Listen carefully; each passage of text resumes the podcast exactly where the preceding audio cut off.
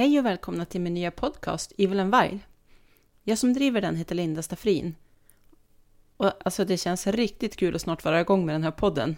För true crime är ju ett eh, jättestort intresse hos mig. Och jag är ju en sån där person som lyssnar på true crime som insomningsljud på kvällarna. Och ju mer varningar ett avsnitt får, desto mer vill jag lyssna. Och jag kan väl inte vara den enda som är så? Eller? Tanken med den här podden, det är att den ska vara precis som den heter. Alltså ond och grym. Och jag kommer ju då alltså att prata om true crime och jag kommer att försöka hitta så otäcka, onda och grymma fall jag bara kan. Det här är alltså ingen podd för er om ni är lite känsliga. Men är ni precis som jag, att ju mer varningar man får, desto mer intressant blir det. Ja, men då borde det här vara någonting för er. Åtminstone så är det det jag siktar på. Och så håller jag tummarna att det går hem helt enkelt. Jag kommer att släppa nytt avsnitt varje måndag med start den 25 september.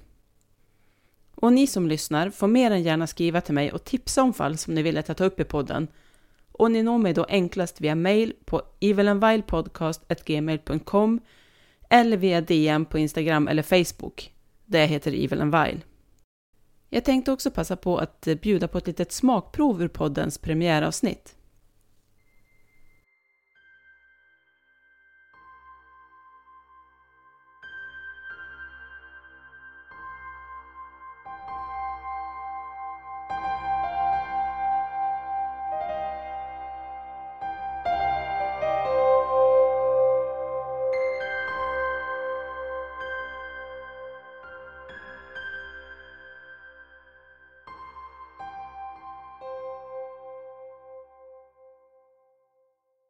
Den 16 april 1996 ringde en man till polisen och berättade att han hade råkat mörda sin flickvän.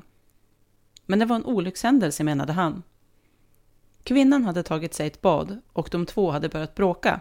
Och hon hade då råkat få vatten i lungorna och dött, trots att han hade gjort flera återupplivningsförsök på henne.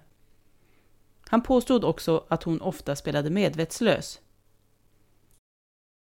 Polisen åkte i alla fall till mannens hus och när de kom dit så möttes de av en syn värre än någonting de hade kunnat ana.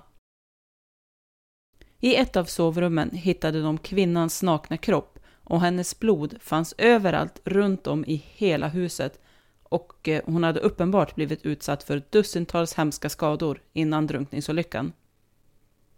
En senare undersökning av kvinnans kropp visade på över 150 separata skador på hennes kropp och under den sista månaden i hennes liv hade hon hållits bunden.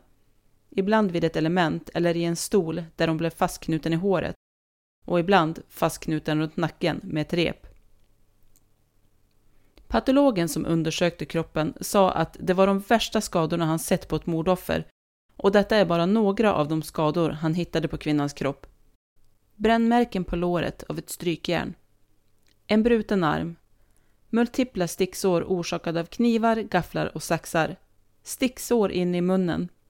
Stympning av öron, näsa, ögonbryn, mun, läppar och könsorgan.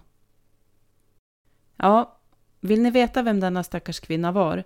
Då tycker jag att ni ska ta och lyssna på min podd, som alltså har premiär den 25 september. Jag hoppas att vi hörs då. Hej då!